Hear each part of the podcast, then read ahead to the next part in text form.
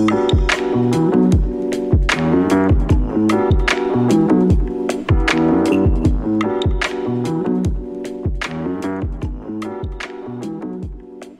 everyone, and welcome to the ADSR Inspirations Podcast.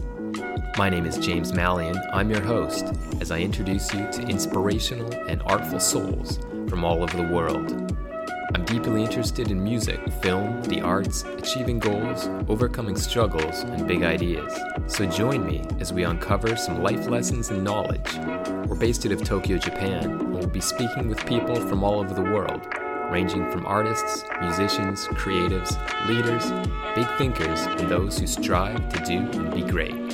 Thanks for listening along. Now let's get inspired.